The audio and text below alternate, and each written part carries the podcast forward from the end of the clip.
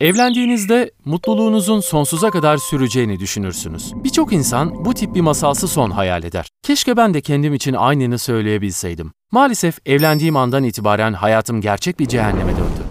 Üniversiteden mezun olduktan sonra iş bulma konusunda daha fazla şans elde etmek için büyük şehre taşındım. Biraz şansla şehir merkezinde büyük bir şirkette iş buldum. Öğle yemeğine genelde iş arkadaşlarımla giderdim. Bir gün öğle vakti iş arkadaşlarımdan biri yeni açılmış bir restorana gitmeyi önerdi.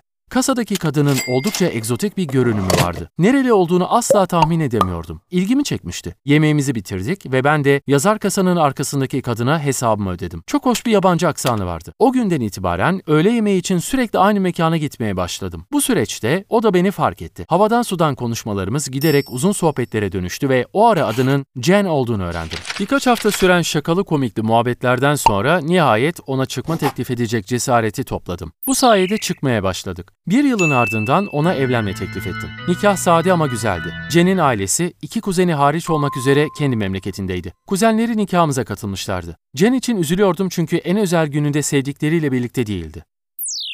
Balayımızı Hawaii'de geçirdik. Jen o gece baş ağrısı olduğunu söyledi ve yatmaya gitti. Sabah uyandığımda kendisi yanımda değildi. Hatta odada bile yoktu. Giyindim ve onu havuz kenarında samimi bir sohbetin ortasında bir adamla buldum. Canım sıkkın şekilde ne yapıyorsun Jen diye sordum. Yanındaki yabancı herif git kendi işin gücünle uğraş birader dedi. Asla kaba ya da öfkeli biri değilimdir ama bu herif de sınırını aşıyordu. Neredeyse bağırarak bu benim işim gücüm, kendisi karım olur dedim. Jen sanki ortamdaki yabancı benmişim gibi boş gözlerle bana bakıyordu. Sakince ben Jen değilim. Kendisi odasında dedi. Bu başarısız balayı girişiminden sonra Jen'in davranışlarının kötüden betere evrildiğini fark ettim. Tavırları ve ruh hali neredeyse hava durumu kadar belirsizdi. Birinci dakika gayet sevecen biriyken, ikinci dakika sebepsiz yere benimle tartışıyordu. Her şeyden beteri Jen işi bırakmıştı. Zamanının çoğunu evde hiçbir şey yapmadan geçiriyordu. Jen'le birlikteki hayatım tam bir cehennemdi. Başlangıçta gerçeği alemden gizledim.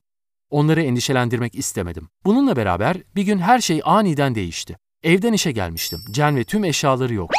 Çılgına döndüm ve tüm mahalleyi aradım. Çevredeki herkese sordum ancak kimse Cen'i görmemişti. Nefes nefeseydim. Düzgün düşünemiyordum. Ablamı aramaya karar verdim. Kendisi bana yakın oturuyordu. İkimiz arabayla dolandık ve Cen'i aradık. Ardından karakola gittim. Kayıp ihbarı yapmadan önce 24 saat beklememi söylediler. Kural buydu. Ertesi gün telefonum çaldı. Arayan Cen'di.